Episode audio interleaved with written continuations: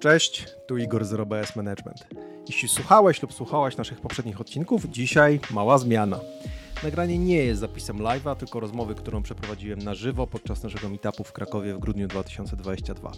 Moim rozmówcą był Piotr Nabielec, a rozmowa na tyle ciekawa, że publiczność dzielnie wytrzymała z nami do 22. Także mam nadzieję, że zainteresuje Cię również. Zapraszam serdecznie.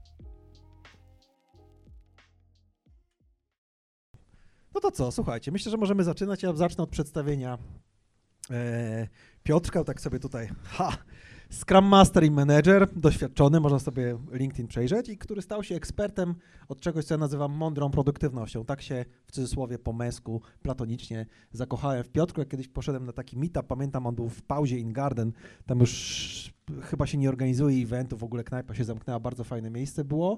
E, i wyszedł na scenę właśnie taki gość, miał mówić o produktywności i po raz pierwszy od dawna nie usłyszałem czegoś takiego, że muszę wstawać o 5 rano, zrobić stu pompek, potem oddychanie holotropowe, yy, jakieś grzybki do tego jeszcze, ashwagandha yy, i wtedy i potem jechać z listą to do, yy, a o 21 jeszcze walnąć trening na Ironmana. Tylko tam troszkę chodziło o, o co innego. Tak sobie to zapisałem, że ta produktywność u ciebie to jest coś, co w długim terminie doprowadzi do zadowolenia z życia. Tak. Yy, no i generalnie taki jeszcze. Coś jeszcze chcesz o sobie powiedzieć? Czy już tak wy... Przede wszystkim y, cześć i bardzo mi miło, że jeszcze zostaliście. Już się tu dużo dzisiaj wydarzyło. Przyszedłem sobie i was oglądałem. E, co dla mnie jest ważne, ja jestem takim taką hybrydą wszystkiego i to jest taka moja ścieżka życiowa. Y, mienię się od jakiegoś czasu muzykiem również. To jest dla mnie dość ważne, że, że y, myślę, że klasyfikowałbym się, gdyby był taki formalny test, jako osoba wysoko wrażliwa. Jeśli ktoś z was kuma o co chodzi, to, to wie. Y, I ja tak jestem, byłem software inżynierem długo, potem szedłem przez Scrum Masterkę, menedżerkę, ale jestem zawsze gdzieś po środku czegoś, takim rozkrakiem. E, i zająłem się szkoleniami później i to jest taka moja ścieżka. Właśnie takiej chyba z buntu przeciwko e, produktywności, takiej jak o niej słyszałem od ludzi, od których się uczyłem. To było strasznie takie dehumanizujące przeżycie dla mnie. Czytać te wszystkie książki, te wszystkie systemy z 43 teczkami i jakieś takie Getting w ogóle... things done? Też, też, ale wiecie, słucham, nie wiem, czytamy sobie książkę o skupieniu. Najlepsza książka o skupieniu jaka jest? Jeszcze raz? Deep, deep Work na przykład, Kala Newporta. No co, no co Kal Newport radzi? No wybuduj se szopę gdzieś z dala i po prostu się do niej przeprowadź, odetnij od całego świata. Nie? Super rada dla młodej, karmiącej matki na przykład. I po prostu, nie wiem, ja czytam takie rzeczy i mnie trzęsie, bo jest coś tak dehumanizującego w tym, że po prostu stwierdziłem, że no jak nikt tego nie robi, to ja będę, czemu nie? To tyle chyba. Dobre wprowadzenie. E, jeszcze tytułem takiego e, baseline, tak mówiąc po project managersku. E, ty oczywiście dużo mówisz też w tych swoich materiałach internetowych i w kursie. Tam jest duży też nacisk na życie prywatne. Natomiast chciałbym, żebyśmy tutaj też poruszali się mocno, możliwie mocno w kontekście takim zawodowym. Lidera zespołu, project managera, heada projektów, heada HR-u. Też jak sprawdzać się w tej roli, robić karierę, a jednocześnie maksymalizować właśnie szanse na to, powiedzmy sobie, szczęśliwe e, życie i nie dojście do ściany w postaci, nie wiem, nerwicy, wypalenia i innych atrakcji. No, ja lubię definicję, jak zawsze się wraca jako eksprogramista, to coś musi być przejrzyste. Lubię zdefiniować produktywność, bo się mhm. wtedy rzeczy stają bardzo proste. Produktywność, czyli efekt przez wysiłek, kropka. E, I teraz efekt, czyli efektywność. Można, no właśnie, nie. Zależy, czy kręcimy licznikiem, czy mianownikiem, a to drugie zostaje stałe, to mamy pojęcie efektywności albo wydajności. Nie? Czyli na przykład fabryka ma większą wydajność, to znaczy, że w tym samym czasie zrobiła więcej, albo mam większą efektywność, czyli w godzinę mogę wyprodukować, znaczy na odwrót. No zawsze ta efektywność, wydajność się męczy, dlatego produktywność jest uniwersalna, bo chodzi o to, żeby efekt był większy, a wysiłek mniejszy. I teraz mhm. ja dumam nad tym wzorem właściwie non-stop, no bo mógłbym was zapytać, jakby, jakbym umierał dzisiaj i ktoś zadał moje pyta mi pytanie, Piotrek, a co, co ty liczysz jako efekt twojego życia? Co, co się tak naprawdę liczy jako efekt? No to i tutaj trafiają do mnie ludzie na kurs, ponieważ na to pytanie jest właściwie jedna sensowna odpowiedź. Nie wiem. Stąd się zaczyna nasze całe zmaganie z produktywnością. Po prostu nie wiemy. Nie wiemy nawet po co żyjemy często. Nie? Po prostu wsiadamy w auto, wciskamy gaz do dechy, jedziemy szybko i ktoś pyta, gdzie jedziesz? Nie wiem, ale może po drodze się dowiem. To jest mniej więcej ta strategia. Także ten efekt przez wysiłek, bo w inwestowaniu, jak osiągnąć maksimum e, zysków, nie inwestując w to dużo, nie wiem, czasu na przykład. To by było Korzystać z mnie, nie? produktów IG Group. No i teraz y, ja myślę, że w y, świecie menedżerów to jest bardzo, ba- bardzo ważny dla mnie wzór, bo y, jeśli ja jestem sobie Piotrkiem, który, nie wiem, programuje, to to, to, co mnie interesuje, to jest mój task, który mam przed oczami. No nie wy też dzisiaj wrócicie do domu, jutro będziecie mieli do ogarnięcia rzeczy. Jest jakiś efekt, odhaczony, odhaczony, dan, dan, dan, dan, dan. Nie, tak się można rozliczać. Teraz na ten wzór można patrzeć z różnej perspektywy, czyli na przykład dnia. Najczęściej sobie organizujemy dzień albo tydzień, ale można na tą produktywność spojrzeć z perspektywy, nie wiem, kwartału albo roku. Nie? Czyli na przykład pytanie, na które większość ludzi nie zna odpowiedzi, wam je zadam teraz, ono jest przerażająco proste. Jakbyście mieli zrobić trzy rzeczy do końca roku, takie, że siadacie w Sylwestra rano i mówicie, to był super grudzień. Super grudzień, bo zrobiłem, zrobiłam to, to i to. Raz, dwa, trzy, nie więcej. Trzy rzeczy takie, że siadacie i tak, yeah, mm. Co robi większość ludzi na takie pytanie? No i pytanie do was, czy wy potraficie w głowie szybko odpowiedzieć na to pytanie? Takie trzy rzeczy, które naprawdę w grudniu będą miały znaczenie. Yy, I to są bardzo trudne pytania, bo my chcemy zrobić rzeczy 50, a pytanie jest, y, które trzy na przykład, albo jedna, nie daj Boże, jest najważniejsze. I teraz kluczowe wyzwanie dla mnie menedżerów to jest umiejętność przełączenia się między tymi dwoma, dwoma mm, jakby światami. Czyli okej, dzisiaj mam do ogarnięcia coś i ciągle tym ludziom muszę przypominać, że my idziemy tam i że troszkę zboczyliśmy. A nie wiem, tu się idziemy w górach, rozszalała się burza, musimy trochę skręcić, ale cały czas tam idziemy. Czyli czekaj, czy dobrze rozumiem, y, produktywność w kontekście menedżera to jest szczególnie to, żeby umieć się odpiąć od zalewu maili, od zalewu spotkań i sprawdzania, czy oni już tego taska podjęli, albo czy go zamknęli w Jirze, albo w czymkolwiek innym. I czasem zastanawianie się, no dobra, a gdzie my z zespołem, ty- z tym zespołem chcemy być za trzy miesiące i czy w ogóle coś zrobiliśmy w tym kontekście. Tak, i to jest bardzo trudne, ponieważ y, jesteśmy stworzeniami, które mają emocje i gdybyśmy ich nie mieli, to byłoby dużo prościej. Bo na przykład, nie wiem, czy słyszeliście te szokujące słowa Morawieckiego w trakcie, jak byliście tutaj. Jakie? Dobra, otworzyłem wam pętlę, tak właśnie działają wasze mózgi. Połowa z was może sięgnie zaraz po komórkę. Nasz mózg nienawidzi tego uczucia, że coś się wydarzyło, a ja nie wiem. Kto z was ma to jeden w przeglądarce, w powiadomieniach i próbuje się powstrzymać, żeby nie kliknąć, to wie o czym mówię. Mamy dużo takich rzeczy, które psychicznie mówią, nie wytrzymam. Albo na przykład ostatnie dwa miejsca na webinar, moje ulubione w ogóle. Nie? Że jakby skalujemy teraz serwery na miliony sztuk, ale na webinar to dwa ostatnie miejsca, bo więcej się nie da. Nie? I to jest granie na takich naszych podstawowych instynktach. Takich, że jest ciśnienie czasu, że jest coś ograniczonego, że jest jakaś ploteczka o wczorajszym meczu Polski e, i tak dalej. Także y, to granie na tym, co jest dzisiaj, tu, teraz, szybko, mail, otwarta pętla, domknąć, nie? Widzicie, tylko, tylko zerknę na tego maila. E, To jest jedna rzecz, targają emocje. Druga rzecz, odpiąć się od tego i zobaczyć zaraz. W świetle tego, gdzie my idziemy, to nie jest istotne. Nie? Zamykam mailowarkę na Mhm, pół godziny, bo jest mhm. do ogarnięcia to, co jest na maksa kluczowe w perspektywie, nie wiem, kwartału, żebyśmy zrobili. I, I z mojej perspektywy bardzo dużo osób wpada w taką właśnie, no znacie, bieżączkę.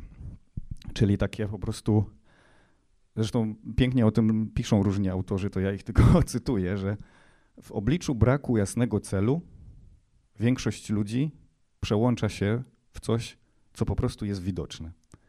Czyli jeśli nie wiem, gdzie idę, to odruchowo przełączam się w coś, co dobrze widać. Na przykład maile super widać. Tak. Nie?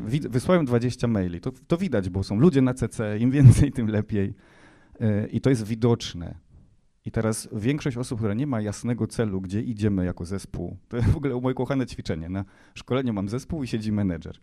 I mówię, słuchajcie, zapiszcie mm, trzy rzeczy, które wam przychodzą do głowy jako cele na następne trzy miesiące. Takie trzy najważniejsze rzeczy dla waszego zespołu. Wszyscy tam dumnie piszą, a najdumniejszy siedzi zawsze menedżer. Bo już to komunikował w pięciu mailach i po prostu teraz... Po czym proszę, żeby wyjęli te kartki i żeby to jakoś ze sobą spotkali. tu mina menedżera już nie jest tak dobra. I on mówi, przecież wam pisałem pięć razy, czemu jakby w ogóle często się jeden pokrywa, a cała reszta jest taka, że w ogóle gdzieś tam. Myślę, jak ten zespół może efektywnie pracować, jak oni się nie zgadzają co do tego, jakie są trzy najważniejsze rzeczy na najbliższe trzy miesiące. A każdy z nich przyzna, że jest śmiertelnie zajęty. Nie? I, i, i to, że, że idziemy jako grupa, ale każdy z nas troszkę w inną stronę. Także dla mnie ta, ta menedżerka y, takiej najwyższej wody to jest też rozumienie, że mamy do czynienia z ludźmi, którymi targają emocje, którzy mają choroby, dzieci, inne mm. y, psy. Y, I trzeba to ogarniać również w natłoku emocji. My sobie siedzimy tutaj dwóch chłopów, ale kobiety by nam mogły powiedzieć, jak się czasem zarządza, jak ci po prostu szaleje wszystko w twoim własnym ciele i masz taki dzień, że po prostu no nie zwleczesz się.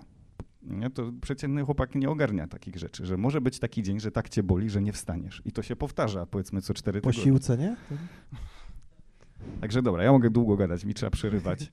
Ale, ale podsumowując, to jest y, kluczowa dla mnie umiejętność. Produktywność menedżera to?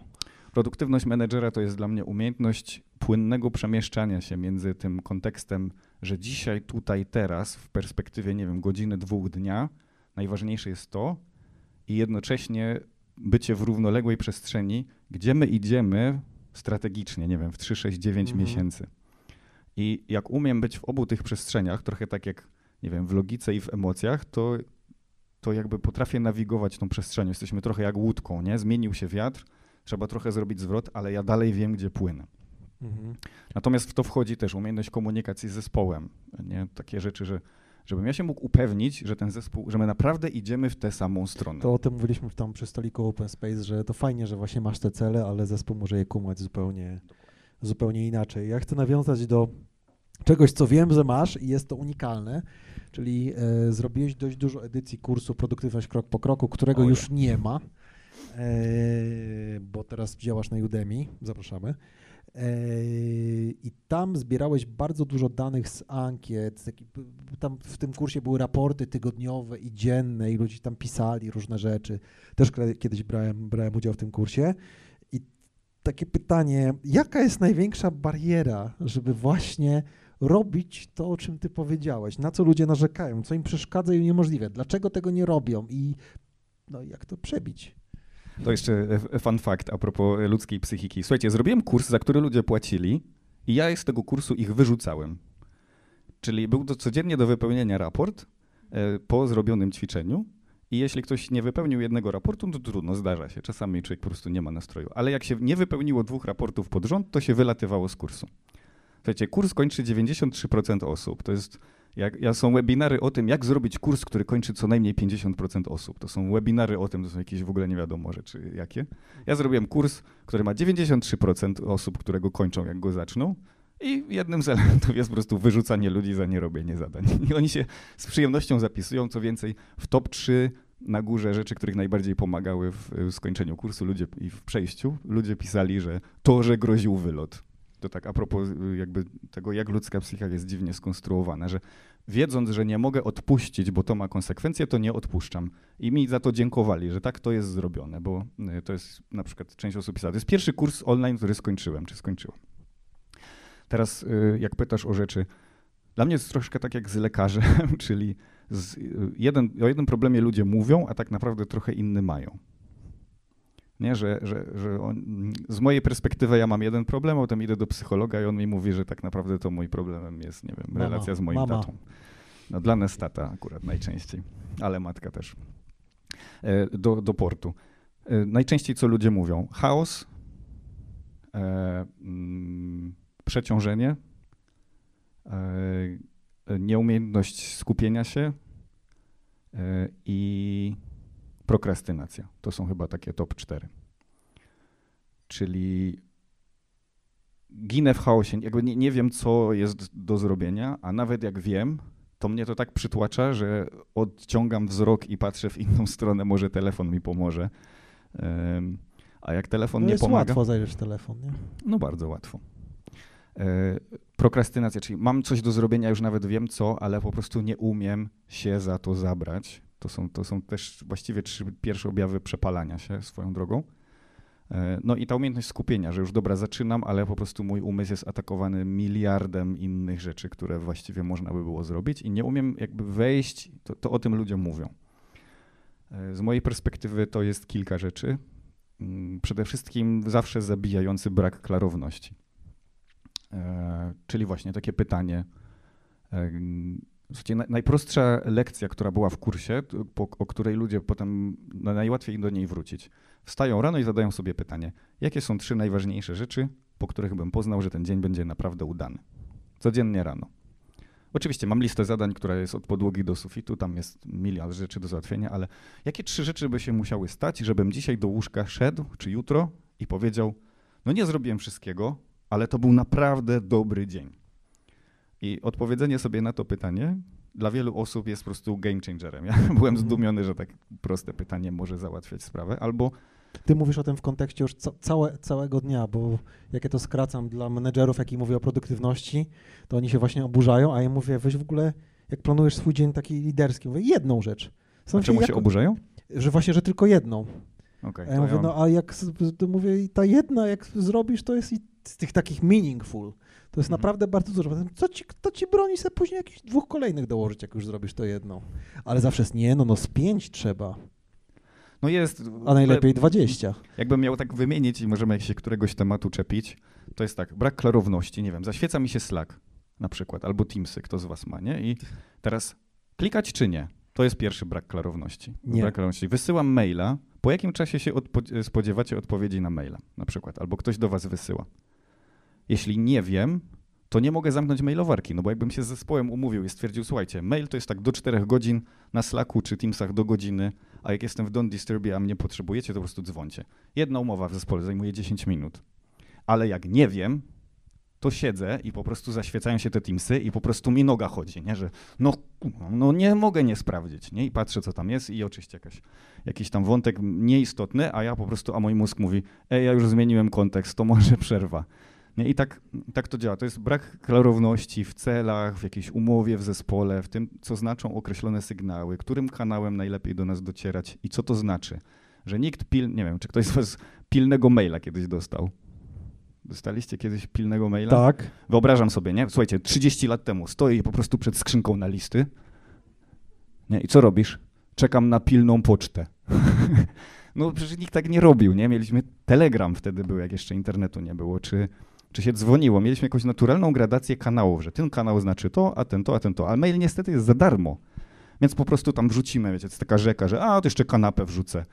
I, I zrobi się śmietnik i ten brak klarowności nas zabija. Na przykład, po co mamy telefon, jakie mamy tam apki, czego na nim nie chcemy mieć, yy, jakie strony nas wciągają. No to mamy teraz filtry, tylko ten brak zdefiniowania to jest jedna z głównych rzeczy, a tak naprawdę dobijają nas emocje typu poczucie winy i wstyd. Nie wiem, znacie?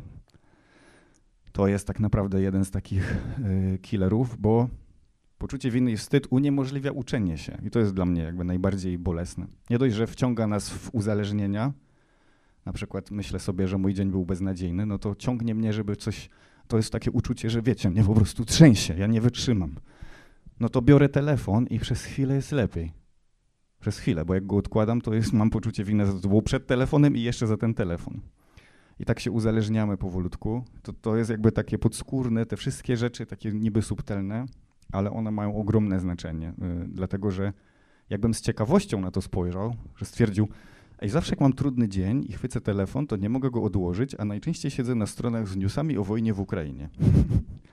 na przykład taka obserwacja. To mogłoby być dość ciekawe. E, kiedy to, kiedy to się dzieje? Co to są za dni? Jak ja się wtedy czuję? Co się stało wcześniej? Co to wytriggerowało? To jest Naprawdę, to taki pięciolatek miałby po prostu ubaw z tego. A jak mam poczucie winy, to się po prostu chwilę pobiczuję i uciekam. Uciekam, bo nie chcę na to patrzeć, bo to jest straszne. Także o tym moglibyśmy gadać następne dwie godziny. Czyli e... jak sobie radzić, nie uciekać? Mm, ja myślę, że e, jest trochę tak. Oglądaliście Matrixa na przykład? Matrixa. Jest, generalnie jest tak. Idzie sobie Neo i Trinity i robią pyk i skaczą się z dachu na dach. Ktoś z was próbował?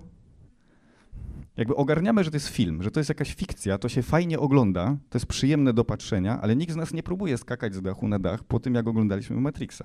Tymczasem się naoglądamy guru produktywności na Instagramie i wszystkim, którzy 150 shotów postrzelali, żeby to ładnie wyszło i po prostu myślimy, a to tak wygląda życie. I zaczynamy się z tym porównywać. Nie? I to jest ten problem, że y, ja mam, notorycznie miałem ludzi w kursie, którzy mówią, jak dochodziliśmy do rozproszeń i używania telefonu, to po prostu było takie, o Boże, to nie tylko ja. jest takie ogromne poczucie, że tylko ja nie ogarniam. Że, że ja jestem ten jedyny, który po prostu sobie nie daje rady, że to tylko ja sobie nie radzę z tymi, nie wiem. No, jakby ktoś poznał, jak jest mózg zbudowany, to wiecie, że większość Naj, najgorsze rzeczy, które się wydarzą dzisiaj, jeśli chodzi o samokontrolę, będą jak wrócicie do domu. Będziemy mieli rozszalałe mózgi i zobaczymy, co się tam stanie. Ta, ta, ta czekolada w tej tajnej szufladzie na czarną godzinę. To jest, nie mamy już prawie żadnej samokontroli wieczorem i wtedy z nam wychodzą też różne tam stwory. O tym też moglibyśmy długo gadać. Yy, więc nawiguj pan, bo ja tu po prostu nie, bo tak właśnie żeśmy zbo, zboczyli, ale no to... No, no, Czyli z czym, wrap up. Wrap czekaj, up. Wrap up. Z, z, czym sobie, z czym sobie ludzie nie radzą, bo tu wspomniałeś, że oni piszą o chaosie, nadmiarze tak. rzeczy, y, braku priorytetów, jakimi, jakimiś takimi rzeczami.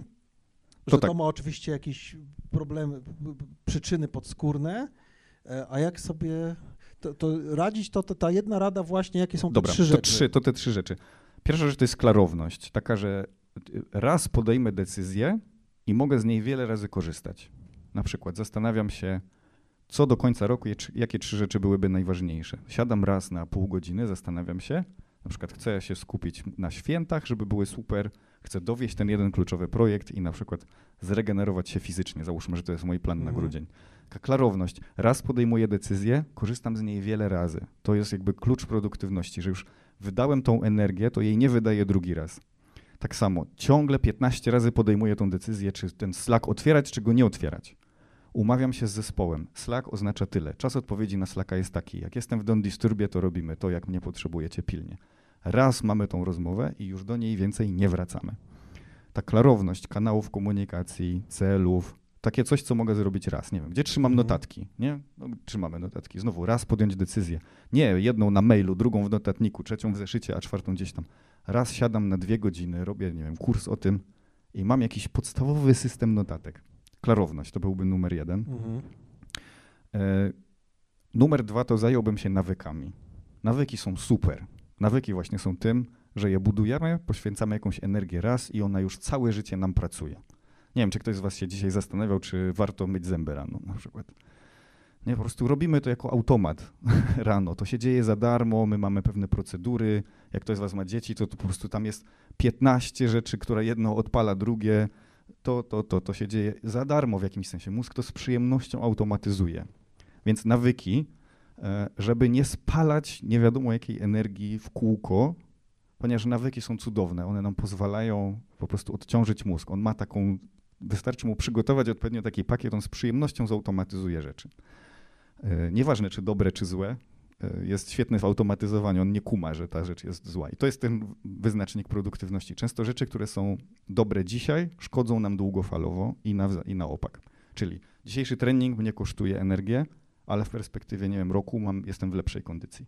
Albo dzisiaj uciekam od problemów, no to dzisiaj mi lepiej, ale w perspektywie pół roku, kwartału czy ileś tam jest mi gorzej. To jest to napięcie, nie? Jak, jak mieć trochę oba, więc druga, klarowność, nawyki.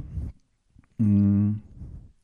I trzecia rzecz, no jak tylko mogę, to o tym mówię, szczególnie w Polsce, w kraju, w którym się mówi, że mamy nie czuć, szczególnie faceci, nie? Nie mazgaj się, nie wolno się gniewać. Jakby pisownia nie jest emocjami. Jest jedna emocja, którą możesz czuć do woli.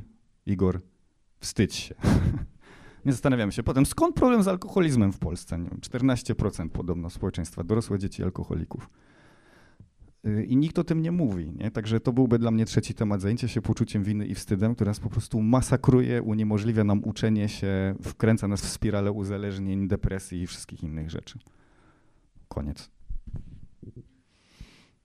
Mocno, ale dobrze. Yy, interesuje mnie, na ile takie rady są dla każdego. Czytaj, na ile trzeba je różnicować, bo my też od kiedy pierwszy raz się przetestowałem jakimś tam badaniem psychologicznym, to było chyba Insights Discovery lata temu, to było dla mnie takie odkrycie. No i teraz w firmie używamy Frisa polskiego, lubimy, spoko, natomiast nie, nie, nie mówię, że to jest jedyny najlepszy system, system na Ziemi, no ale tak, tego typu badania czy modele pokazują ogromne różnice pomiędzy ludźmi, jak, jak podchodzą do różnych spraw. I czy to nie jest tak, że te rady produktywnościowe to trzeba do różnych ludzi, nie wiem, zmieniać, dostosowywać i, i tyle. Na przykład wspomniałeś o nawykach i różnych rzeczach. Ja jestem takim zadaniowcem, osobą z dużą dozą determinacji i ja, jak musiałem zadbać o siebie, to się okazało, że musiałem wręcz nauczyć się odpuszczać część rzeczy, bo to ja trochę byłem z tym oddychaniem holotropowym, różnymi innymi rzeczami, że wstajesz, zimny prysznic,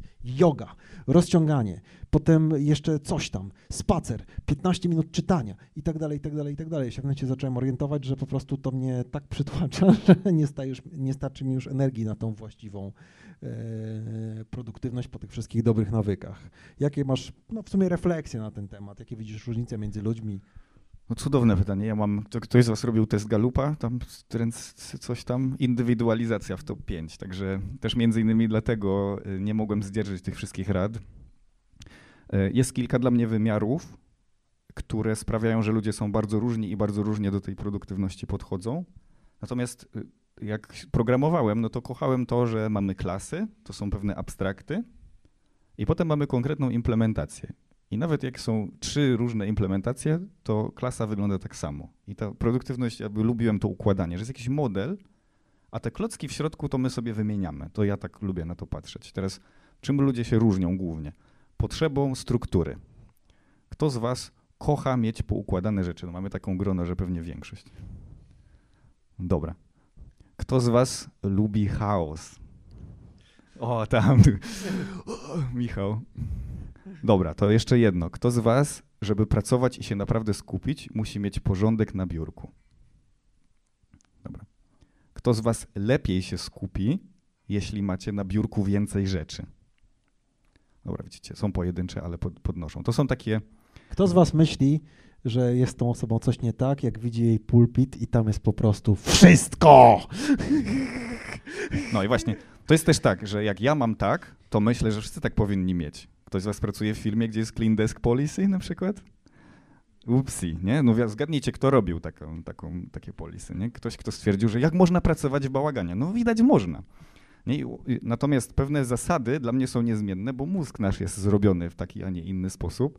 I teraz yy, kocham to, że właśnie te zasady się dają stosować do określonej grupy ludzi. Jedni z was jadą na wakacje i lubią mieć rozpisane, co będziecie robić każdego dnia. Ktoś z was tak ma? Yeah. Ja się wypowiem, ja tak miałem i przesadziłem, bo to działało przy tygodniowych wakacjach i raz tak pojechałem, po odejściu z korporacji pojechałem tak na miesiąc do Azji.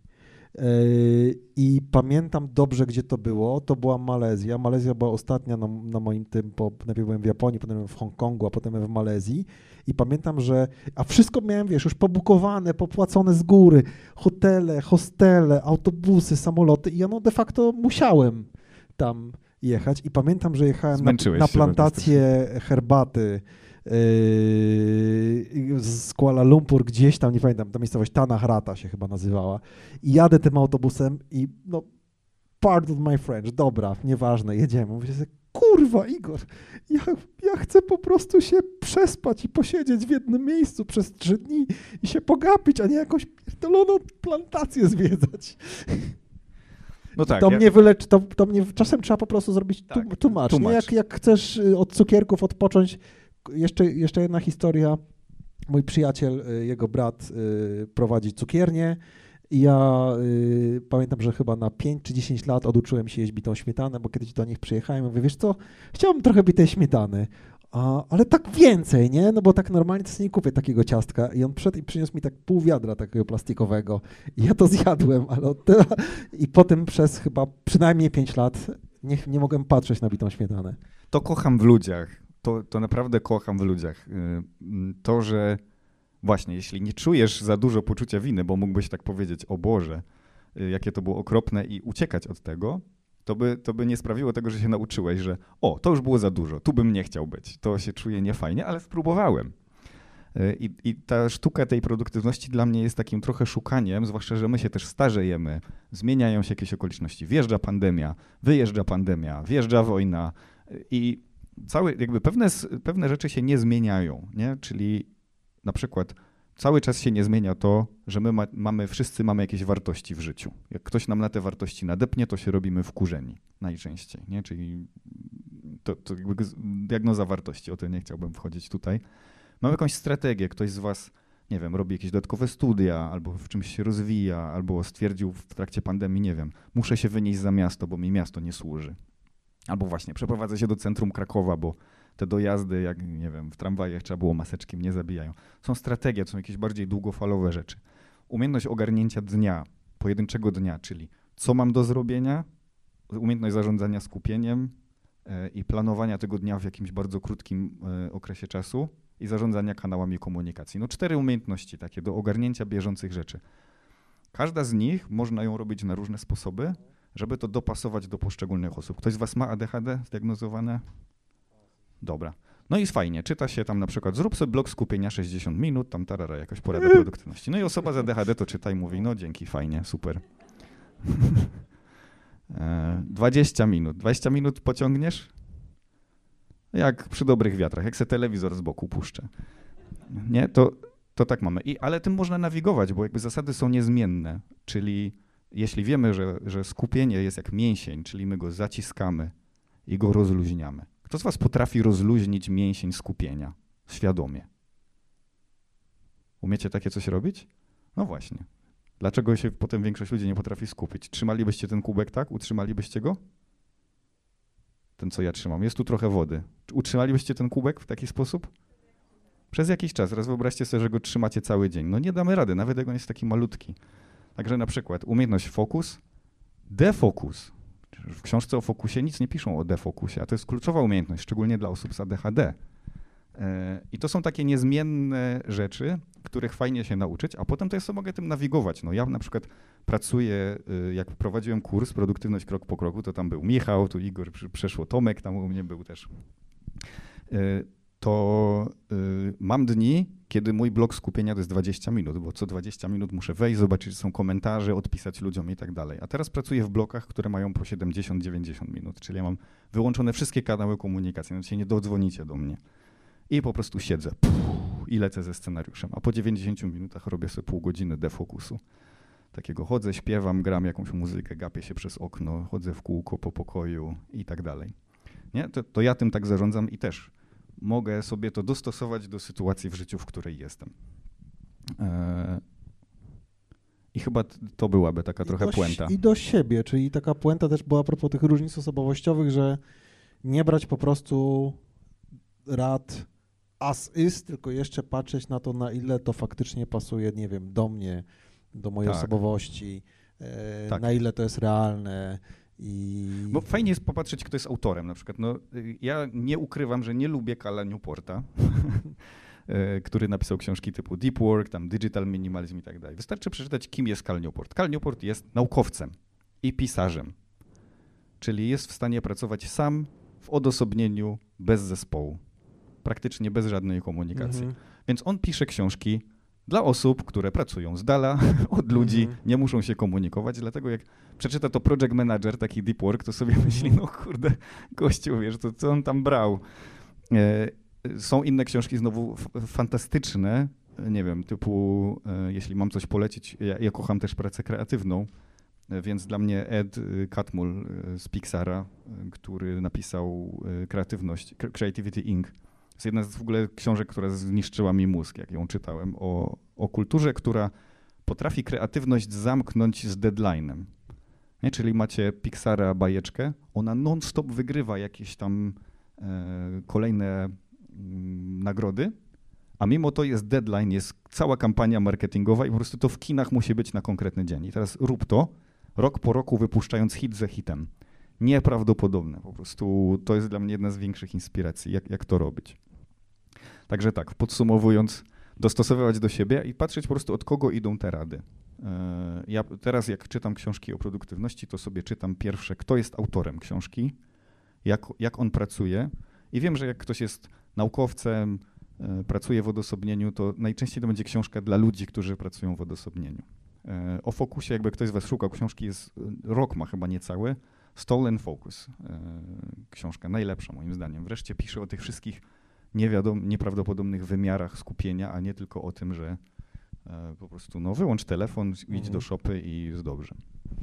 Genialna rada. To a propos tego właśnie, żeby sprawdzać, kto jest autorem, czy masz jakiekolwiek, nie wiem, połączenie z tą osobą, e, czy ona jest w jakiś tam sposób podobna, e, co sobą reprezentuje. No, tak zaczęło się Zero Bullshit Management, bo mnie wkurzało, jak siedziałem na szkoleniach zarządzania projektami i potem wydawało mi się, że ta osoba gada farmazony, po czym sprawdzałem ją na LinkedIn i się okazało, że oni skończyli studia i od razu się zatrudnili w firmie szkoleniowej. I tutaj właśnie. Nie? I w życiu nie pracowali na normalnym, na normalnym projekcie. I, I nagle się okazało, wszystko się wyjaśniło, dlaczego to brzmi jak farmazon, bo to są farmazony. To teraz jakaś taka, nie wiem, puenta do tego e, też, jeśli chodzi o to wyzwanie dla mnie menedżerów. To jest, jak to, kto, Andersen Horowitz, znane wam nazwisko? Ktoś taki w świecie startupów Tak. człowiek. On właśnie pisze o tym, że często firmy zakłada dwójka ludzi. On to nazywa type 1 i type 2. Typ 1 to jest ten, który właśnie potrafi ogarnąć tą bieżączkę, to co jest dzisiaj, tutaj. I type 2 to jest ten, kto myśli strategicznie, bardziej wizyjnie, Wizjoner, tak. taki bardziej wizjoner. Mówi, że większość firm jest zrobiona przez taką kombinację tego type 1 i type 2. Teraz smutna wieść jest taka, że wy, którzy tu siedzicie i macie taką, a nie inną pracę, musicie być kombinacją type 1 i type 2 w jakimś sensie. Płynnie się przemieszczać między jednym a Mhm. drugim. E, I teraz w firmach founderzy mogą sobie pozwolić na to, że jest taki Steve Jobs i on może mieć w nosie, czy taki, no nie wiem, Elon Musk, to nie, on tam podobno się wgryza w szczegóły, ale po prostu ma jakąś wizję, że trzeba coś zrobić, chodzi i marudzi, a tam inżynierowie robią te rzeczy z dnia na dzień. I ma jakiegoś partnera, który właśnie jest bardzo mocno techniczny. Mhm. No i teraz dla mnie e, kluczowość menedżerskiej roboty polega na tym, że to jest takie trochę okrakiem, że ja jestem, jeszcze jestem w tych detalach, dopóki nie jestem tam gdzieś, w, nie mam C przed, y, przed moim rolą w firmie, no to jak jestem C, to już jestem ten type 2, że po prostu ogarniam strategię głównie. E, Ale, nie, ale nie tylko. jak jestem w środku tym menedżerem gdzieś tam, rozpięty między ludźmi, no to muszę umiejętnie się przełączać między tym, dzisiaj robimy to, te trzy zadanka, to jest kluczowe na teraz. Jak się wali i pali, to zespół szczególnie tego potrzebuje. Słuchajcie, wiem, że się wali i pali, raz, dwa, trzy, to jest na dzisiaj najważniejsze. A potem pff, strategia. To znowu dla zespołów nudne, kto chce o tym słuchać. Mm. Chyba koniec. Sorry, tak może nie zabrzmiało jak puenta, ale... Yy, wiesz, to dobra, to już, to już, to już, chociaż nie, dobrze, trzy, trzy słowa. Yy, Ja lubię gdzieś tam taki model zbalansowanego przywództwa. Jest bardzo prosty, ludziom pokazuje i tłumaczę, że tak naprawdę lider na każdym poziomie yy, powinien działać, balansować działania operacyjne i strategiczne. Yy, Czyli nawet na poziomie team lidera czy junior project managera masz te działania strategiczne, bo to jest, no gdzie chcesz być z tym zespołem za pół roku, z tym projektem za pół roku i co to, co, to, co, co, co może w związku z tym zrobić, nie? Wiedząc, że nie- rynek to tyl- wyśmieje po drodze w międzyczasie, bo się trzy razy wykręci jeszcze. Ale mówię no chociażby pod kątem, nie wiem, y, jakiegoś zaplanowania rozwoju tych ludzi, czy nie wiem, czy kultura feedbacku, czy cokolwiek to jest, no jakoś to trzeba wprowadzić.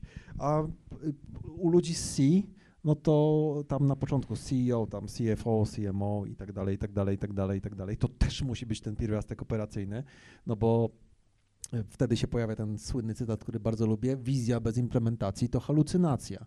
I utrzymujemy tych ludzi na C-levelu, którzy rzucają co chwilę jakieś pomysły, coś zlecają, e, a ludzie pod spodem po prostu mówią, o, czym oni w ogóle mówią. Jesteśmy zarąbani na 130%, a ci na górze się później dziwią, że ta ich nowa, cudowna pomysł, inicjatywa się no, nie ziściła, e, no bo z tamtymi na dole to się nie da e, i tak dalej. I to często powoduje właśnie to oderwanie od rzeczywistości, że oni, nie wiem, nig- kiedy ostatni raz poszli na jakieś spotkanie operacyjne, tak chociażby z ciekawości. Tam gdzieś mówiliśmy o linie e, przy w jednym ze stolików eksperckich. No i to słynne gęba, czyli pójście do miejsca pracy, że zobacz, co tam się dzieje, a nie tylko sobie siedzisz w narożnym biurze na górze i ci się wydaje, że jest fajnie. Więc to tak a propos tylko tego balansu na każdym poziomie. Z ciekawości jeszcze, kto, kto z was był w roli technicznej wcześniej, zanim zaczęliście robić to, co robicie teraz? No Kind- całkiem, nie, całkiem nie mało. E, Całkiem nie mało, bo to, to też bardzo pomaga, nie? Że nie nie wiem, czy przyznacie, że pomaga, ale dla mnie ktoś, kto był, często jest tak, że, że potraficie dotknąć tej pracy, nią się po prostu lepiej zarządza, bo wy wiecie, jak się to robi fizycznie. Niektórym to pomaga, niektórym to przeszkadza, ale to jest też ta umiejętność potem mm, też, nie wiem, rozmawiania z ludźmi, że my się rozumiemy, czy się nie rozumiemy. No w każdej firmie są problemy w postaci tego, że jest często pion produktu, potem jest pion marketingu i sprzedaży, nie daj Boże wszystkie trzy oddzielnie. E, I tam łączą się na poziomie, wiecie, jakiegoś turbomenedżera. Tego C właśnie. Tego C. I y, bardzo mało jedna, y, jedna, jeden komin rozumie, co robi drugi. Nie? Jak ja programowałem, to, to było tak. Znowu sprzedali coś, czego się nie dość, że nie da zrobić, to, to jeszcze już sprzedali, że jest, a jeszcze nie ma. No znacie pewnie, nie? Tak. No tak. a potem założyłem firmę, słuchajcie. I odkryłem, że właściwie robienie rzeczy jest banalne. To jest to ostatnie 10%. Bo wymyślić i sprzedać to jest 90% roboty. Dzisiaj tak powiem. Wszyscy programiści mnie tu zeżrą teraz, ale ja nim byłem. I mm, zmienia się zupełnie optyka, jak się trzeba zacząć tym, tym drugą rzeczą y, zająć. Dlatego w ogóle jestem ogromnym fanem takiego poznawania tej drugiej strony płota. Ym, Pomaga, tak. i jeszcze y, nawiązując do, do tych krótkoterminowych versus długoterminowych rzeczy, nie? Znacie to pewnie z perspektywy. Można napisać, nie wiem, ja jestem z kodu urodzony, więc można napisać kod szybko dzisiaj, pak i działa. Długofalowo mamy coś, co się nazywa długiem technicznym, co ludziom nietechnicznym sobie ciężko wyobrazić. Nie? To, to jest na przykład ktoś, kto nie kodził. Czy jesteście w stanie dobrze skumać, co to jest dług techniczny? Mi kiedyś miałem bardzo z jednym zarządem y, dyskusję bardzo ostrą na ten temat. Oni nie byli sobie w stanie wyobrazić, co to jest dług technologiczny. Oni powiedzieli tak, słuchaj Piotrek, przepraszam, to teraz, teraz będzie pardon my French, bo to był taki, wiecie, go- gościu z Uf, zarządu miał Nie dwa wyjdę, metry, Nie wyjdę na jednego nie, buraka. miał dwa metry y, Jarek i ćwiczył Muay Thai. I z Jarkiem y, rozmowy były bardzo pouczające a propos kontroli emocjonalnej. I Jarek mi powiedział tak, Piotrek, robimy płytki, gość mi kładzie płytki, potem się te płytki trzeba y, skuć i położyć coś gdzie indziej. To znaczy, że spierdolił. Tyle to znaczy. Więc ty mi nie mów, że jak dostaliśmy czas programistom i oni to zrobili i teraz trzeba kawałek tego kodu skuć i go przepisać, to oni go po prostu źle napisali. Tak czy nie? Ja mu mówię, nie. I w jego głowie jakby nie istniał taki koncept, że coś sta- zostało naprawdę dobrze zrobione, a mimo to trzeba to przerobić. I jedyny przykład, jaki mu wtedy dałem, to jest tak, wyobraź sobie Jarek, że co dwa miesiące zmienia się system cegieł w budowaniu domu, e, mamy inne dachówki oraz inne kleje, inne zaprawy, inne wszystko. I taki dom, jak ty budujesz, to jeszcze nigdy nie powstał. Bo jak robisz jedną ścianę, to drugą ścianę już się buduje z innych cegieł. I teraz nie jesteś w stanie tym zarządzać w taki sposób, bo drugiego takiego domu nie ma. To się nie zdążyło ustalić. Więc musisz raz na jakiś czas się zatrzymać i może skuć jedną ścianę i zrobić, bo się okaże, że te cegły są lepsze. Wiecie, to są takie. Ja już naprawdę desperacko próbowałem znaleźć przykład, żeby mu wyjaśnić, ale to oddaje też to, co jest znowu problemem w waszej pewnie codziennej komunikacji i w mojej było, że mam jakiś koncept, którego ta druga strona nie rozumie. Ja mogę o nim gadać dwa tygodnie, i ona dalej nie zrozumie. Nie? Co to jest dług technologiczny? Podziwiam tych, którzy z was potrafią sobie to wyobrazić. Gadałem z zarządami niejednej firmy i po prostu dla nich oni przymykali oko i powiedzieli, jak do nas przychodzi zespół i mówi, że jest dług technologiczny, to najczęściej po prostu chcą się pobawić. Oni mieli takie tłumaczenie, że zespół się zmęczył i jak mówią, że trzeba dług technologiczny teraz ogarnąć, to znaczy, że już są zmęczeni i chcą się pobawić. Tak, tak sobie to na polski przetłumaczyli. Dobra, długo też mogę No, nawijać, no, ale to jest znowu o komunikacji, o tym, o czym nie mówiliśmy dzisiaj. Za Szybkie dużo. pytanie ci, przerwę. Ostatnie, bo tutaj jeszcze bym chciał, żeby była szansa. Jak się zmusić do dobrego? Jak Nie jesteś w zmuszać. jakiejś- No właśnie, ale no nie, no bo, bo tu, mam, tu mam takie przykłady. Nie? Są, są, cz- szczególnie wspomniałeś, że jakoś jesteśmy tacy zmęczeni i tak dalej, to jest trudniej. I podejrzewam, no, sam mówię z autopsji. Wiem, że jak jestem, jestem teraz w branży szkoleniowej, y, jesień jest masakryczna. E, ja teraz jestem... Pozdrawiamy budżety szkoleniowe. Tak, e, życie tak też wychodzi, nie? W, tam w marcu się tam dopiero ustala perspektywy i tak dalej, i tak dalej, i tak dalej i nagle ludzie się orientują, że jeszcze przed grudniem wypadałoby się przeszkolić, no bo w sumie szkolenia są fajne. No i ja teraz jestem już tak powiem na skraju, ale w tym roku przeżyłem to lepiej niż, niż w zeszłym. Jak szczególnie w takich trudniejszych okresach umiejętnie i mądrze zmusić się do, do dobrego, nie wiem, odłożenia telefonu, y, poruszania się 20 minut, jakiś taki, czyli tych rzeczy, które są wtedy ekstremalnie ciężkie. No sorry, ale ja po prostu jak jestem gdzieś, no ostatnio w Dąbrowie Górniczej, gdzieś tam, nie mamy samochodu teraz, dostać się tam to w ogóle masakra, bo firmy busiarskie popadały, więc dojechałem tam rano, literalnie pociągiem do Katowic, z Katowic autobusem czy Uberem. Zrobiłem to szkolenie i wieczorem mam się ochotę pierdyknąć przed telewizorem e, z bronkiem, mimo że jest siłownia w hotelu, na którą lubię chodzić i tak dalej, nie chce mi się. Albo nie przed telewizorem, tylko po prostu z jakimś laptopem, e, czy poskrolować wykop.pl, mój ulubiony serwis e, i, i, tyle. To jak się zmusić? I czy warto wtedy? To jestem przeciwnikiem zmuszania się z jednej prostej przyczyny. Y, bo sobie wyobrażam naszą psychę jak taki y, kawałek, nie wiem, wbity gruby pręt w ziemię. I my go Piękna naciągamy. metafora. My go naciągamy w jedną stronę i co się stanie, jak my go puścimy? No mamy to to się dzieje, nie tak od razu tutaj dźwiękiem nadam. Dieta, jestem na diecie, naciągam ten pręt, bo, bo on mnie kosztuje wysiłek. Co się dzieje, jak puszczam dietę? No mamy efekt, on ma nawet nazwę taką jojojo, jo, jo, tak? E, wszystko, co polega na długotrwałym poleganiu na sile woli, zawsze się wygnie w drugą stronę w końcu. To, są, to jest potem takie latanie od skrajności do skrajności. Jak dorzucimy tego poczucie winy, to, to, to jest Mhm. jeszcze gorzej. Ale zadałbym sobie pytanie, jak mogę tak zorientować swoje otoczenie i stworzyć sobie taki system, żebym nie musiał podejmować tych trudnych decyzji.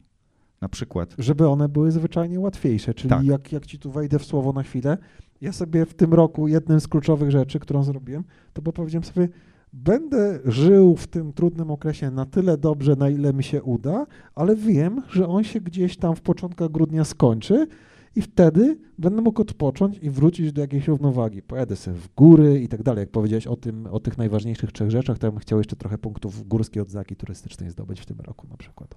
I super. To, to jest pytanie, jak mogę zorientować środowisko? To jest też pytanie, wiecie, do firm całych. Jak mogę tak stworzyć środowisko wokół mnie, żeby robienie tego, co jest właściwe, było łatwe? Nie polegało na jakiejś heroicznej sile woli czy coś takiego, tylko właśnie ja kocham te okresy, kiedy nie mam siły, ponieważ od razu wiem, co we mnie powoduje jakieś napięcie. Że są ćwiczenia, których ja nie lubię. Ja teraz mam, słuchajcie, tu mam tejpy na nodze, nie mogę ćwiczyć. E, To jest e, ciekawe akurat, że rozwaliłem sobie nogę tańcząc, co jest jedną z przyjemniejszych form rozwalania sobie nogi, ale nie mogę ćwiczyć i jest mi przykro, bo nie mogę ćwiczyć, bo tak lubię swoje ćwiczenia. Znalazłem w ciągu tam, nie wiem, 10 lat eksperymentów ćwiczenia, których się nie mogę doczekać, akurat już nie. ale znalazłem taki zestaw ćwiczeń i wiesz, jak ja mam zestaw ćwiczeń, który lubię, to ja się nie do niego nie, jakby A tak, tak, to się w pełni zgadzam. Ja Więc- akurat kocham siłkę, ale jak ktoś mnie zawsze pytał, teraz już to im starszy, tym rzadziej się mnie pytają, ale kiedyś się mnie pytano, a tego, tu jaki program robić i tak dalej, to ja zawsze zadawam pytanie, ale lubisz to? Kręci cię to w jakiś sposób, czy po prostu to będzie taki samogwałt? Bo to czasem, to szczególnie w styczniu widać po twarzach ludzi. Oni tam się, na tej bieżni są, albo no, pod tą sztangą leżą, ale po prostu taki ból jest na tej twarzy. Ja mam ochotę na ich podejść, mówię, gościu, po prostu idź, to, to nie ma sensu. I niektórym ból sprawia przyjemność. To też jest jakaś forma napięcia. Yy, ale żeby tu za daleko nie odlecieć. Stary doktor, się. profesor Freud jakby tutaj był, to Um. ten pręt wbity i ten ból, przyjemność. em, tak, tutaj się tylko zarumienię lekko i idę dalej. To jest kluczowe wyzwanie. Jak, znowu wrócę do produktywności, efekt przez wysiłek. Jak mogę zrobić tak, żeby ten wysiłek zminimalizować? To jest, czyli mam chwilę, mam tu kognitywne zasoby, wymyślam, jak mogę przez następny miesiąc, kiedy już wiem z zeszłego Mhm. grudnia, już sobie nie wyrzucam, że jestem beznadziejny, głupi, że nie ogarniam i tak dalej, tylko to jest cholernie energetycznie wymagający miesiąc. Jak mogę zrobić, żeby w grudniu w przyszłym roku to, co chcę zrobić, było maksymalnie łatwe? Nie, na przykład widzę, te ćwiczenia wymagają ode mnie maksymalnego spięcia, a te idą mi dobrze. To w grudniu będę się przytulał bardziej do tych. One mi nie załatwią tam wszystkiego, ale przynajmniej pociągnę na taką siłą rozpędu. Chociaż, chociaż coś, ja kiedyś chodziłem regularnie na jakieś zajęcia godzinne jogowe, czy body art, czy tego typu rzeczy, to było zarąbiste, ale przez pandemię wszystko było zamknięte, jakoś to wszystko tak się roztegesowało i kluczem do sukcesu się okazał taki kanał Yoga with Adrian, gdzie nagle się okazało, że tam były klipy, nie wiem. Nawet jak już naprawdę ci się nic nie chciało, to jest siedmiominutowy klip, gdzie naprawdę tu se tu rączką, tu nóżką i tak dalej, no ale coś zrobiłeś No tak, dla ja siebie dobrego. Podobnie, kupiłem ketla 20-kilowego, powiesiłem drążek w domu i mam jakiś taki minimalny zestaw, że go mogę zrobić i go uwielbiam e, w tej chwili. Ale nawiązując do reszty rzeczy, bo pytałeś też o telefon. Nie? Znowu, jeśli ja muszę polegać na swojej heroicznej sile woli, żeby odłożyć telefon, Mhm. to to po prostu zadziała raz, drugi, trzeci, a piąty i tak padnę. To jest, to jest kwestia tylko kiedy to się wydarzy, a nie czy się wydarzy. Ja nie chcę takiego systemu, który Mhm. polega na mojej heroicznej sile woli. Ja sobie skonfiguruję screen time, poproszę, żeby mi monitorował, żebym nie siedział więcej niż pół godziny dziennie na newsach z Ukrainy, e, żebym, Mhm. nie wiem, 20 minut dziennie tam Facebooka czy Instagrama miał. Mam taką siatkę na przykład, która mnie, mnie łapie. Mhm. Jak ja się trzy dni z rzędu mnie mój telefon łapie i mówi Piotrek, dość.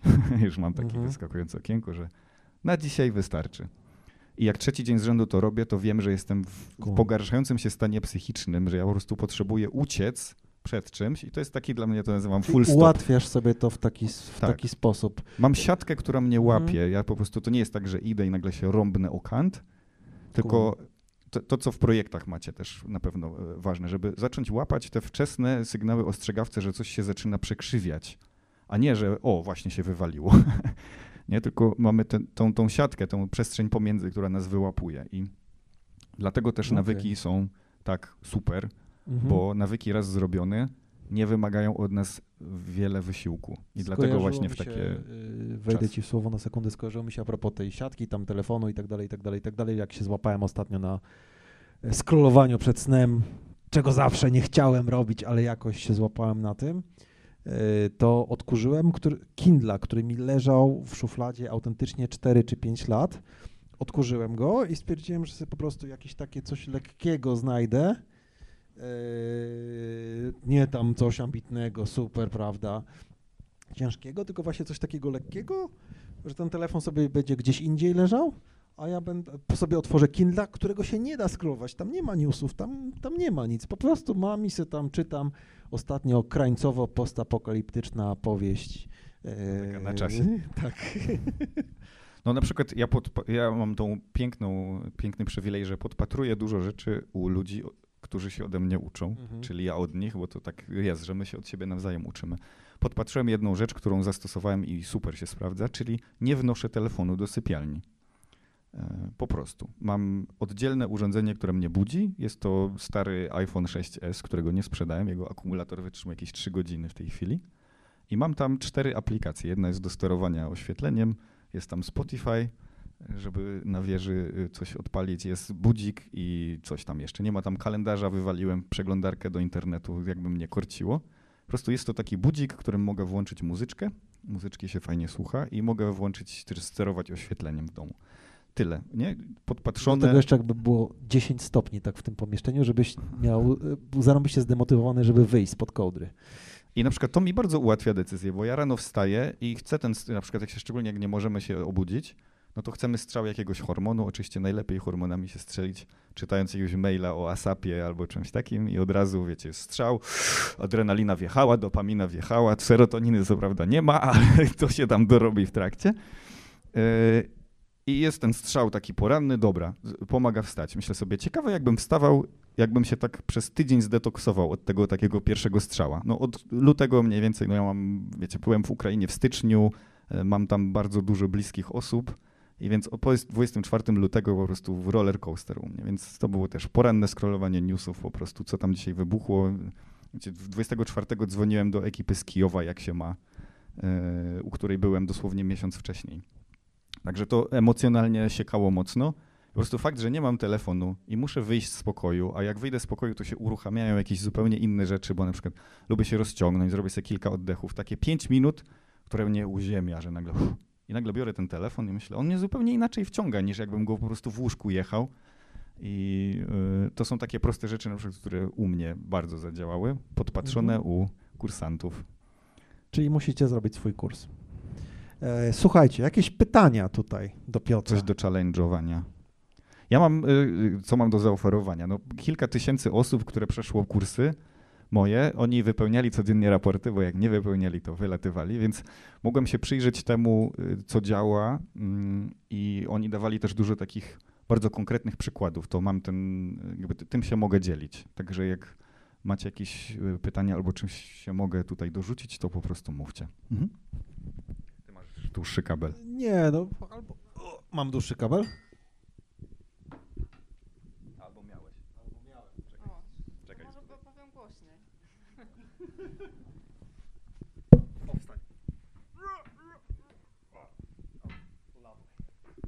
Dzięki.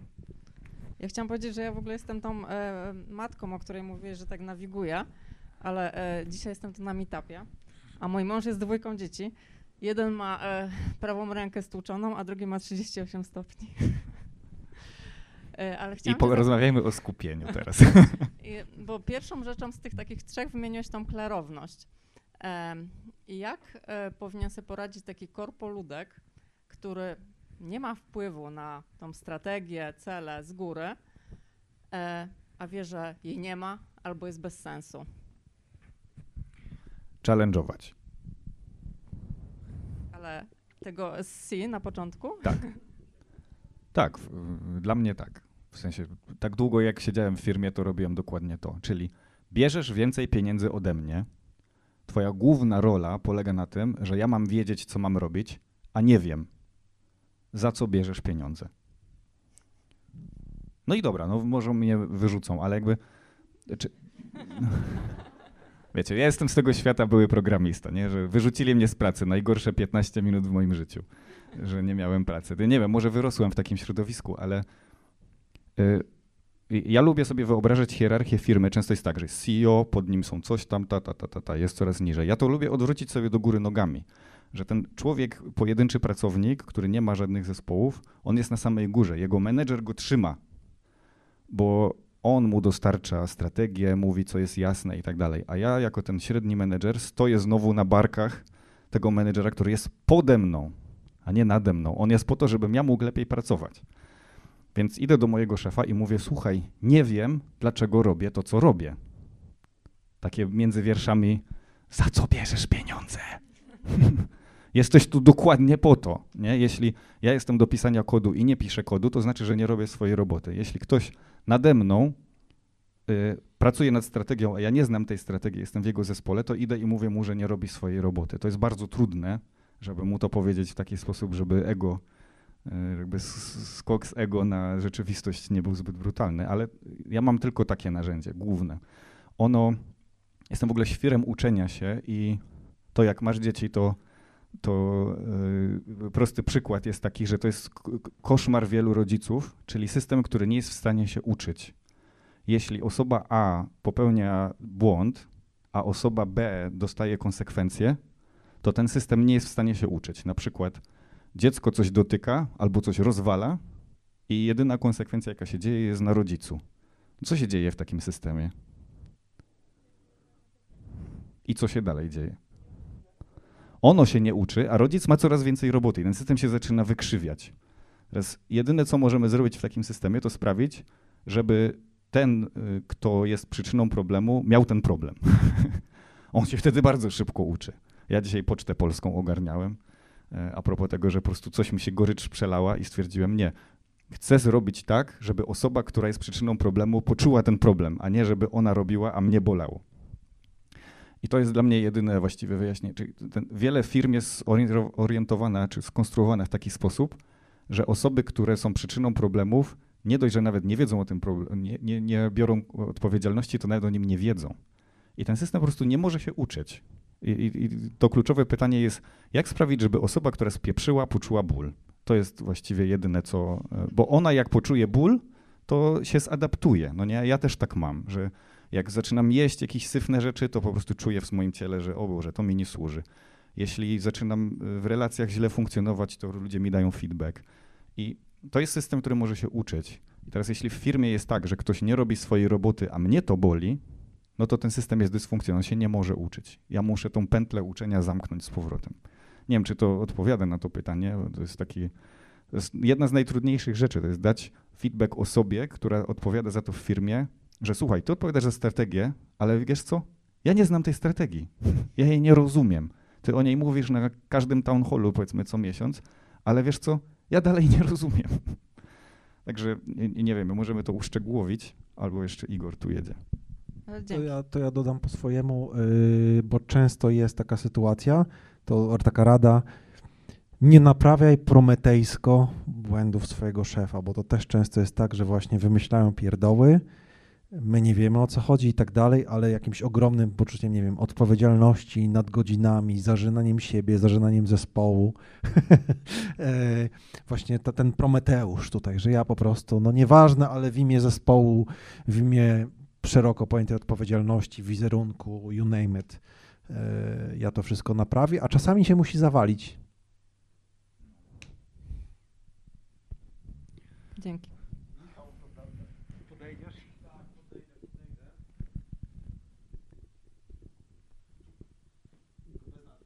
Tak, bez nazwisk. Nie, to ja mam, ja mam komentarz, a potem będzie pytanie, więc komentarz jest taki. Komentarz jest taki, który, a potem będzie pytanie. Więc to się pytasz, e, zadajesz pytanie swojemu szefowi, to to jak jest lato, to my te budy z lodami stawiamy w pakamerach, tam gdzie ludzie chodzą na jakichś deptakach, czy występujemy pozwolenie na warunki zagospodarowania zabudowy i budujemy na przyszły rok ładną murowaną budkę z lodami. I to jest pytanie a propos długu technicznego. Chcesz teraz, ale badziewnie, ale potem trzeba będzie te pakamery zutylizować.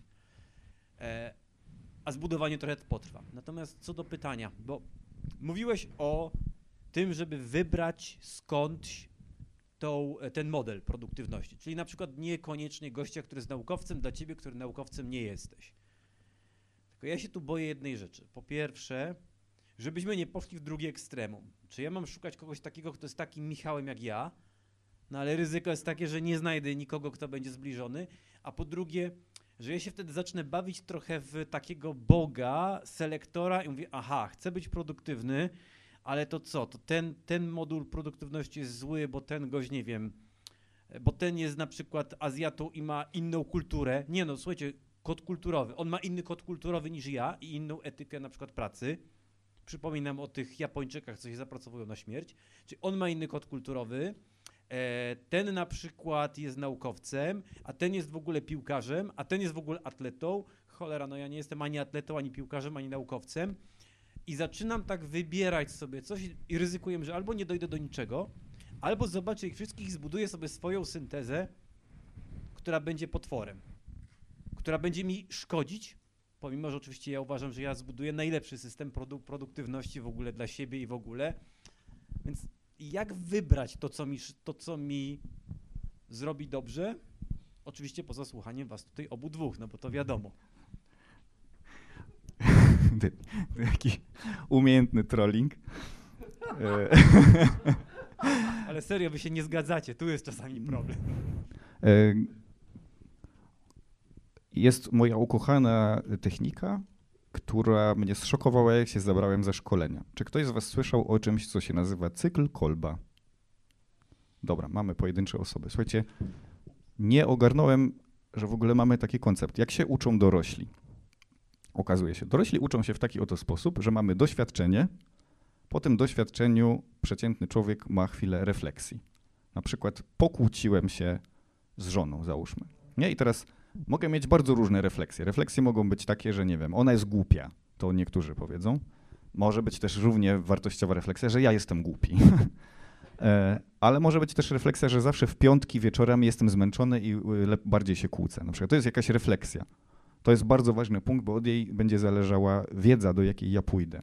Czy potem jest jakaś informacja, jakaś wiedza, na przykład, nie wiem, nonviolent communication albo internal family system, coś z psychologii takiego. Mogę ogarnąć na przykład, że to wkurzenie bierze się dlatego, że pomyślałem sobie, że nie wiem, jestem nieważny, załóżmy. To jest wiedza.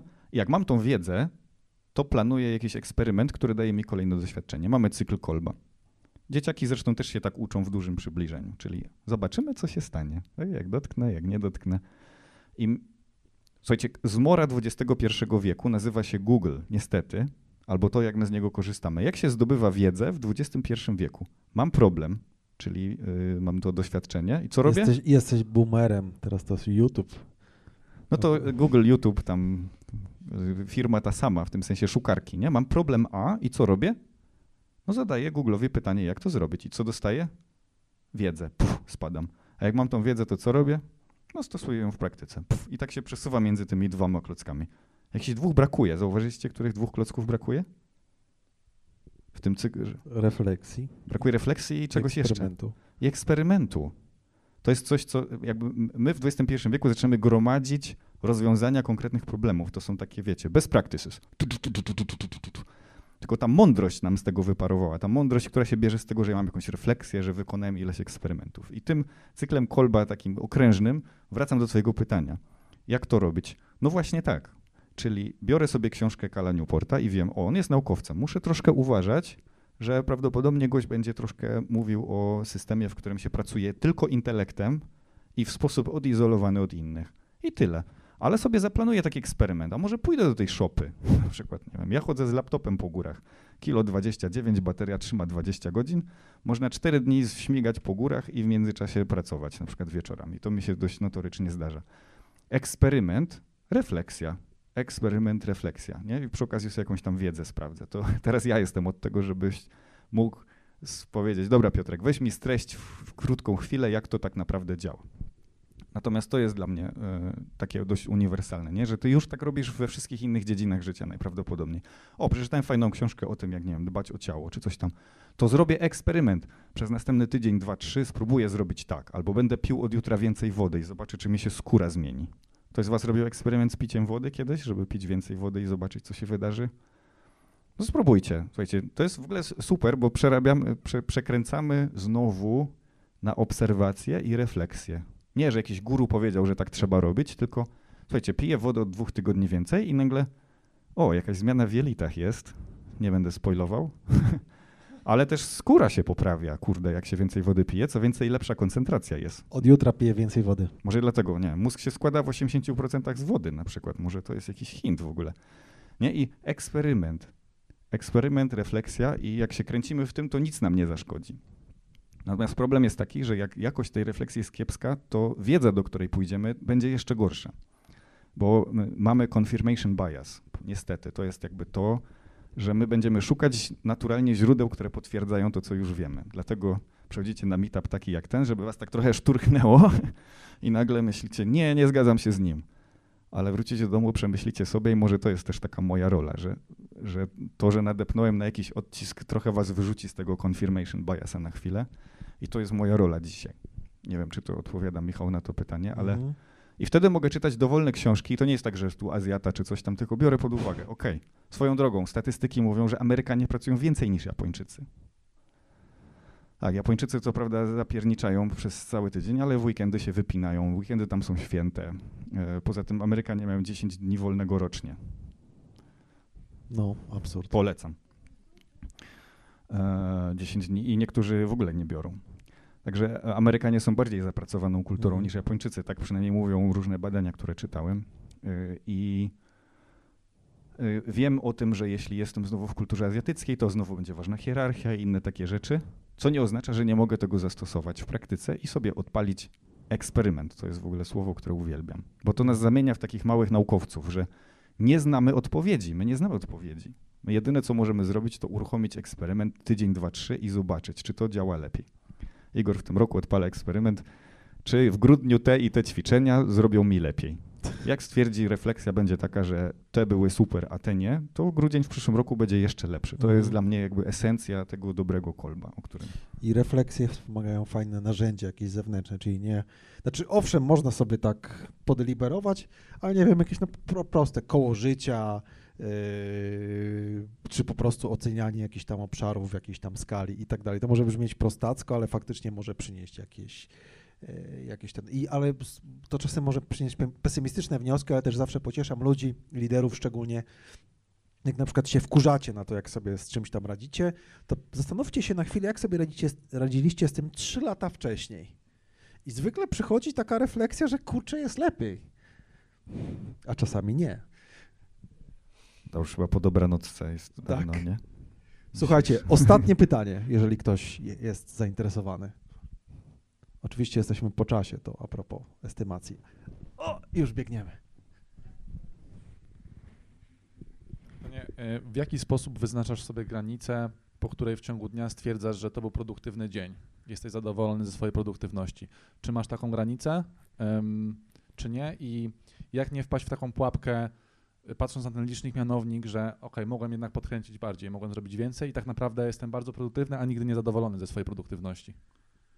Okej. Sądząc po reakcji publiczności, story of our lives. E, No, uczciwa odpowiedź brzmi nie wiem. Teraz spróbuję ją skomentować.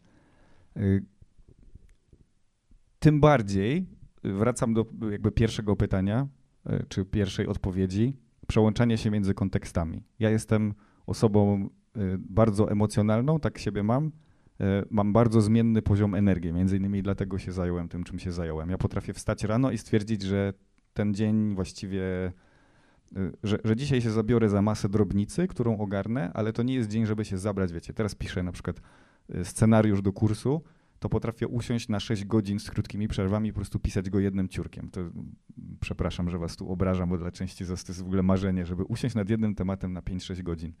Ale mam takie dni, że ja wstaję rano i już po godzinie wiem, że to nie jest ten dzień. I wtedy ten klucz to jest takie, takie coś stwierdzenie, że mogę się dzisiaj zgwałcić i zmusić, żeby to zrobić, ale to będzie mnie kosztowało energię, natomiast otwieram sobie tą listę rzeczy, które inne mam do zrobienia i myślę, to może być ten dzień, kiedy ogarnę te wszystkie rzeczy związane z podatkami, pierdołami i takimi dalej. To jest dużo bardziej dzień pod to. Jeśli tą listę mam gotową, to jestem w stanie się bardzo szybko przepiąć y, z takim klimatem, na co dzisiaj mam ochotę. Na, na, znaczy, do czego mi energia dzisiejsza bardziej pasuje? Porównuję to do surfera, nie? że surfer siedzi w wodzie i mówi dawaj tą falę, kurwa, nie? On siedzi i czeka i w momencie, kiedy ta fala się pojawia, to po prostu wskakuje na deskę i płynie. Nigdy się, i jakby ta, tak długo jak ta fala jest, tak, tak jedzie. To ja się staram tak z produktywnością pracować, że szukam tych naturalnych fal, szczególnie energii, szczególnie w Polsce w grudniu. To wiecie, jak wygląda fala energii w Polsce w grudniu, to takie tyle, nie? No ale y, uczenie, dla mnie w ogóle sztuka takiej prawdziwej produktywności, takiej niegwałcącej się, to jest sztuka szukania tych fal i jeżdżenia na nich w naturalny sposób. Czyli dziś, na co jest dzisiaj dzień, bo rzadko jest tak, że dzisiaj nie zrobię jednej rzeczy, ona się od razu zawala. Nie? To, to rzadko tak jest, że coś jest na dzisiaj i musi być zrobione dzisiaj. To znaczy, że ktoś spieprzył coś ze strategią taką bardziej ogólną. Więc ja sobie na przykład dni wymieniam. I po czym poznaję dzień, że był produktywny? No patrzę sobie na rzecz, którą chcę zrobić w perspektywie, nie wiem, miesiąca, dwóch, trzech i myślę, czy ja zrobiłem chociaż drobny kroczek w tą stronę. E, I jeśli zrobiłem i to moje życie wygląda tak, jak chcę, żeby wyglądało, to to był produktywny dzień. E, Co oznacza czasami, szczególnie w grudniu w Polsce, że y, ja na przykład bardzo zależy od pogody i przychodzi taki dzień, że przeglądam całą listę i wiecie na co mam ochotę z tej listy? Na nic. to znaczy, że jestem przepalony energetycznie. Najprawdopodobniej ja naprawdę robię rzeczy, które uwielbiam i jeśli nie mam na żadną poza podatkami i innymi pierdołami tego typu i jeśli czuję, że Ale serio masz ochotę na podatki, bo też drugi raz o tym nie, wspomnę. nie, podatki to jest właśnie ta rzecz, która wysysa ze mnie najwięcej energii. Nie, że ja po prostu to jest takie, że może nie, że się zmuszam, ale muszę sobie połączyć rzeczy nieprzyjemne z przyjemnymi, żeby było, jak ogarnę podatki, to potem mogę zrobić to, to i to i to. Ale wracam do, do pytania twojego. E, Bywają w moim życiu i takie dni, że po prostu czuję, że nic i to znaczy, że zadaję sobie pytanie, czy to jest Mhm. poziom mojej energii, czy to jest tak, że się przepalił temat, że już go nie czuję, nie wiem, co, co to jest? To jest taki moment full stop, żeby sobie zadać to pytanie. To jest najważniejsze wtedy nie gwałcić się, nie pchać, nie cisnąć, tylko co tu się wydarzyło? Przestało mnie jarać to, co robię, nie mam energii, jakby co to jest? W- w- w- Trzeba 5 minut ciszy wytrzymać wtedy.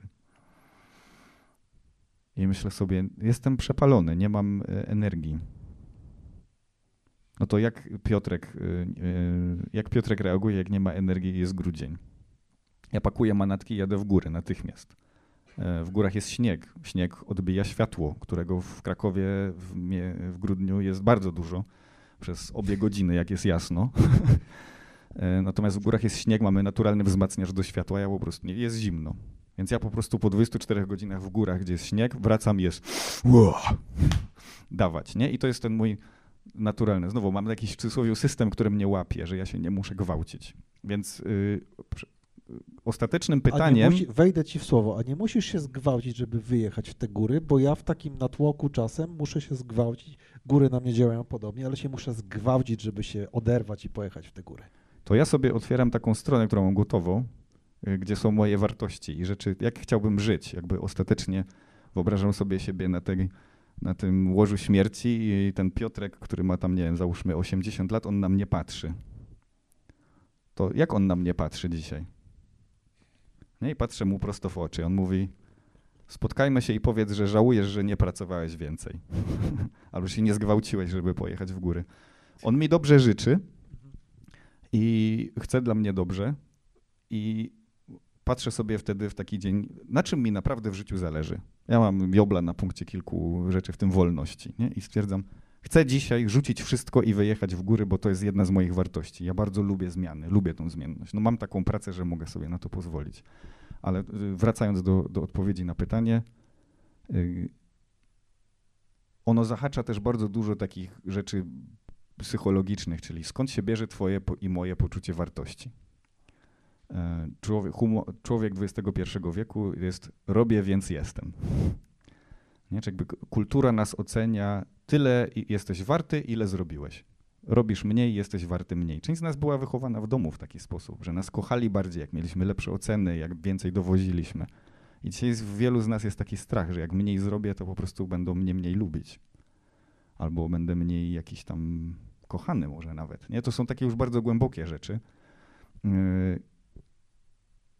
I to jest jeden element, to jest, to jest jakieś poczucie wartości, dobrostan, tego typu rzeczy. A drugie jest typowe pytanie, czy jak zasypiasz wieczorem i miałbyś swoją listę wartości zobaczyć, to czy czujesz, że ten dzień był przeżyty zgodnie z tymi wartościami? W jakimś kontakcie, nie wiem, ze sobą i z tym, co, co chcesz robić. Yy, po, żeby nie wisieć w powietrzu, podam na przykładach. Ja mam wśród wartości kontakt ze sobą. Jest jeden taki, że po prostu jak czuję, że przeleciało mi pół dnia i ja jestem oderwany od siebie, bo nawet nie wiem, gdzie jestem, to ja czuję, że zmarnowałem to pół dnia. To jest moja wartość. Nie? To mógłby być najbardziej zajebisty projekt, który popchnąłem do przodu. Jak ja czułem, że się zerwała jakaś nitka, że ja nie czułem siebie, to dla mnie to jest zmarnowany czas. Ja tak nie chcę żyć. Ale wśród wartości mam również zabawę bardzo mocno. E, I jak mi ktoś daje jakiś e, nowy projekt i ja stwierdzam, że on jest nudny, to ja go nie chcę robić. No, znowu mam taki przywilej, że mogę to, mogę tak działać. E, I dlatego jak robię nowe rzeczy teraz, to jedno z pierwszych pytań jest takich, czy, czy będę mógł gdzieś być tam w kontakcie ze sobą, dobrze się bawić, a jednocześnie dowozić, nie? Ale to są moje wartości. I pytanie jest na koniec dnia, jak się kładziesz wieczorem do łóżka, to czy czujesz, ten dzień przeżyłem zgodnie ze swoimi wartościami. Tak naprawdę to jest to, co się liczy. Nie wiem, czy to jakby odpowiada na to pytanie, bo to jest dyskusja filozoficzna. Czy ja to zrozumiałem tak, że nie liczy się ilość, możesz na, robić 70 rzeczy z listy to do, a jeżeli żadna z nich nie była taka meaningful, pchająca ci do przodu ciebie, zespół, whatever, to dalej będziesz niezadowolony. No, zasada Pareto niestety jest bardzo smutna. 20% wysiłku da 80% efektu.